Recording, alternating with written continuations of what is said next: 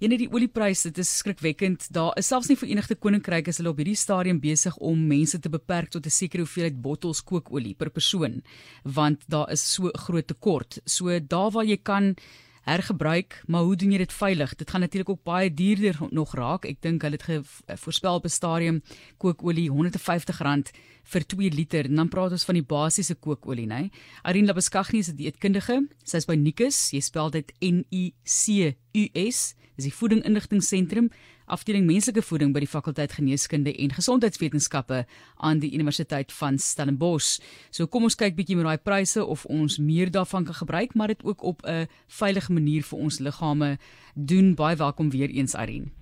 Dankie Martelies. Ons gesels eerstens oor wat gebeur wanneer die olie verhit en daar's natuurlik 'n lang lys van debat oor en tussen verskillende olievervaardigers tussen byvoorbeeld olyfolie, sonneblomolie, canolaolie, jy weet ja. makadamia olie, daar's sekere olies wat jy glad nie moet verhit nie wat jy net so skoon moet drink vir jou gesondheid. So dis eintlik maar 'n gekompliseerde antwoord wat jy nou vir ons bied.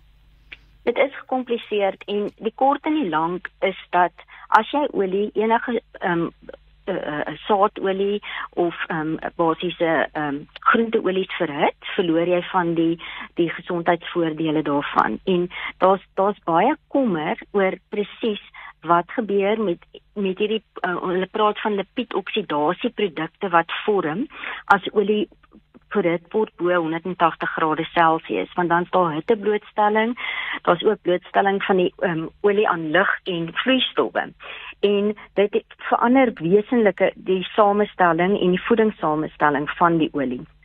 So gebraaide kos is ongesonder as ander gaarmaakmetodes.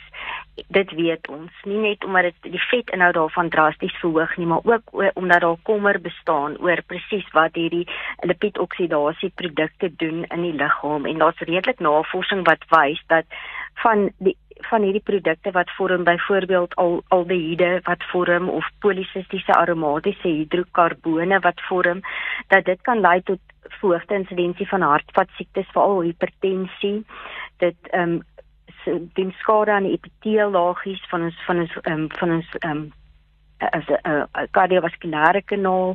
Dit kan kankers veroorsaak en die kolon veroorsaak dit um, inflammasie. So dit is ongelukkig so dat ons die samestelling van die produk verander en is nie ten goeie nie. En daar word al meer geïdentifiseer wat die skadelike effek van hierdie verhitting van die olie is op op sy samestelling.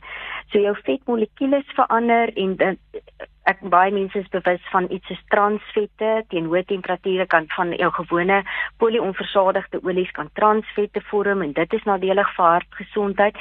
So ons algemene raad aan die publiek bly om so min as moontlik olie te gebruik met met met gaarmaakmetodes en veral diep diepraai olie tegnieke te probeer verminder en dit te hou vir spesiale disse en spesiale geleenthede so belangrik, maar nie hoor as 180 nie of hoe jy gesê het. Ja, dit dit gaan afhang van elke olie se rookpunt, Martelies. Uh, die rookpunt is daai punt waar op jou wat jy basiese rookwalm kry in jou olie. En interessant, avokadoolie is een van die olies wat die hoogste hoog rookpunt het van omtrent 250 grade Celsius. Daarna kom sonneblomolie canola olie is 'n olie wat 'n lekker hoë rookpunt het. Gewone olyfolie het 'n lae rookpunt en dis kom ons dikwels sê, ehm um, moenie met olyfolie braai nie, veral nie diep vet braai nie, want sy rookpunt is baie laag en jy verloor op baie van jou flavonoïde en daai positiewe oksidante, antioksidante in jou olyfolie byvoorbeeld en ander olie soortgelyk as jy daarmee braai, maar dit hang af van jou rookpunt teen watter temperatuur jy jy jy jou grootste skade gaan kry waar hierdie vetmolekules die grootste afbraak gaan toon. Kom ons kyk na hergebruik in ons tuiskombuis. Ons ja. kan nie beheer wat mense in, in voedsel van restaurante en daai tipe van dinge doen nie. Dit is 'n ja. bekommernis eintlik vir mense daar as jy sien hoeveel keer word olie gebruik vir 'n produk en aan die ander kant wil mense ook sê jy het begrip daarvoor want is 'n besigheid wat probeer geld maak en olie is ja. dan nou so duur, maar wat kan ons by die huis doen in terme van hergebruik? Die algemene riglyn daar buite wat die meeste aangehaal word is dat ons nie ons olie tuis of ehm um, verkieslik enige plek moet dit nie meer as 3 keer herverhit word nie. So dit is 'n dit is al klaar 'n beginpunt. en dan om altyd olie te kies met 'n hoër rookpunt. Ek het reeds genoem sonneblomolie en canola olie en avokado olies is olies wat lekker hoër rookpunte het want dit ehm um, beskerm die olie. En dan om altyd die olie, dit is 'n um, ou ou riglyn, maar om die olie na elke gebruik te filtreer, dit te laat afkoel en dit dan te filtreer deur 'n kaasdoek of 'n filtreerpapier om van die partikels wat wat die kos agtergelaat het uit die olie uit te haal want dit outomaties verlaag die rookpunt met 'n volgende metode. So jy filtreer hom dat hy so skoon moontlik is. En dan is dit baie belangrik maar te lees om na jy die olie gefiltreer het om dit weer in 'n lugdigte houer te bære. Jy kan dit terugsit in die oorspronklike houer waarin jy dit gekook het of in 'n glasfles met en dit dig verseël met 'n deksel om verdere oksidasie van die lug te voorkom want die suurstof oksideer die olie en dit lei daartoe dat dit vinniger sleg raak. En dan interessant is om ons olie in 'n koel plek te stoor. Selfs in die yskas word aanbeveel en nie naby aan die stoof waar mense tipies sou wou bære as jy kook nie, want daai enige verhitting van die produk lei tot verdere oksidasie. En de, definitief nie in 'n vensterbank of enige plek op jou toonbank waar daar sonlig is nie. So in 'n donker koel plek te bære is belangrik En dan moet onthou elke keer wat jy ehm um, jou olie gebruik, dit is dit word aanbeveel dat jy byvoorbeeld olie het net vir aardappelskyfies. As jy aardappelskyfies maak en jy wil dit 3 keer gebruik, dan het jy 'n fles waarin jou aardappel waar jy voorheen ook aardappelskyfies gaar gemaak het of olie dalk dalk het vir vir jy hoender gebraai het, vlak gebraai het of wat wat ook al jy gedoen om die voedsel basies dieselfde te hou want onthou hierdie die voedsel gee smaak af van die olie en die partikeltjies maak dan ook dat dit vinniger die smaak afgee en dan ook vinniger kan sleg raak. En dan moet jy jou voorkoms van jou olie baie goed dophou. Al het jy olie net twee keer gebruik, maar hy het verkleur en hy's donkerder, dan is dit dalk tyd om dit nie weer te hergebruik nie. En hy stukkies, soos jy gesê het, filtreer, kry hy stukkies uit. Dit is baie belangrik. Dit verlaag die rookpunt geweldig en dit is dan ook waar jy um, jou grootste skade met met al hierdie vrye radikale en goed wat vorm in jou olie kan kry. Kom ons gesels verder dan oor olie. Hoe kan ek olie veiliger hergebruik? Jy het nog praat van stoor so hou weg van hitte. So daai is die belangrikste ja. ding daar. Ons moet iewers bietjie praat ook oor waar waarmee kan ons olie vervang? Is daar so iets? Bestaan daar so iets? Is daar kan ons in die toekoms vir jou vra?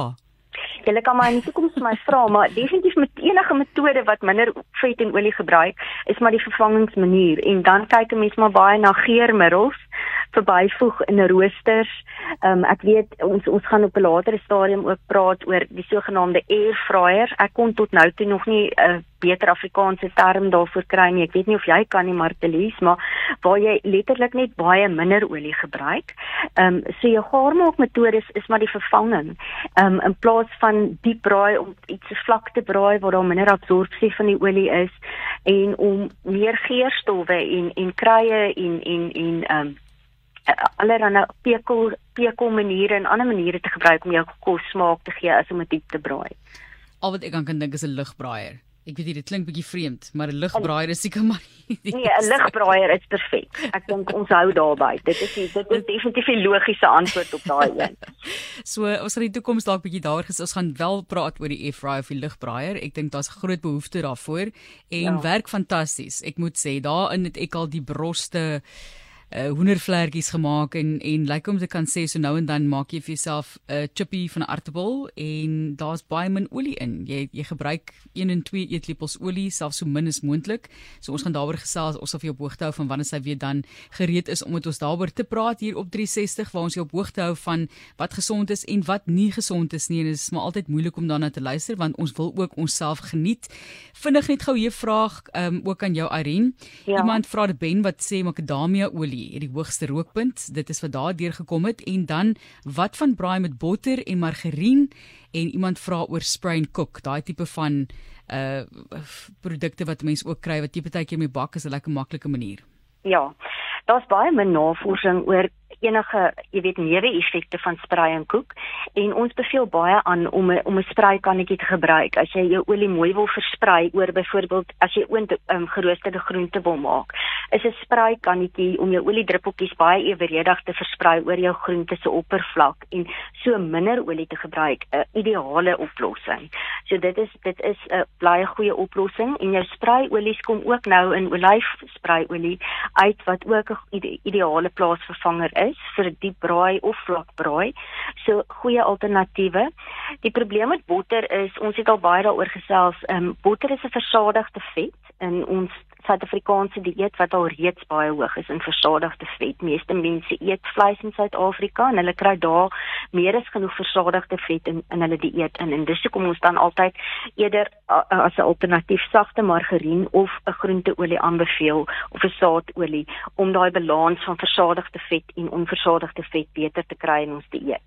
So botter se rookpunt is ook maar laag. Dis om en by 150 grade Celsius in vergelyking met iets soos avokado of dan makadamieolie wat 'n hoë rookpunt het van om en by 250. So hy gaan makliker 'n rookpunt bereik en soos ek sê, dit is 'n groot bron van versadigde vet en ons wil dit basies balanseer in ons tipiese Suid-Afrikaanse of westerse dieet wat hoog is in vet en vleis.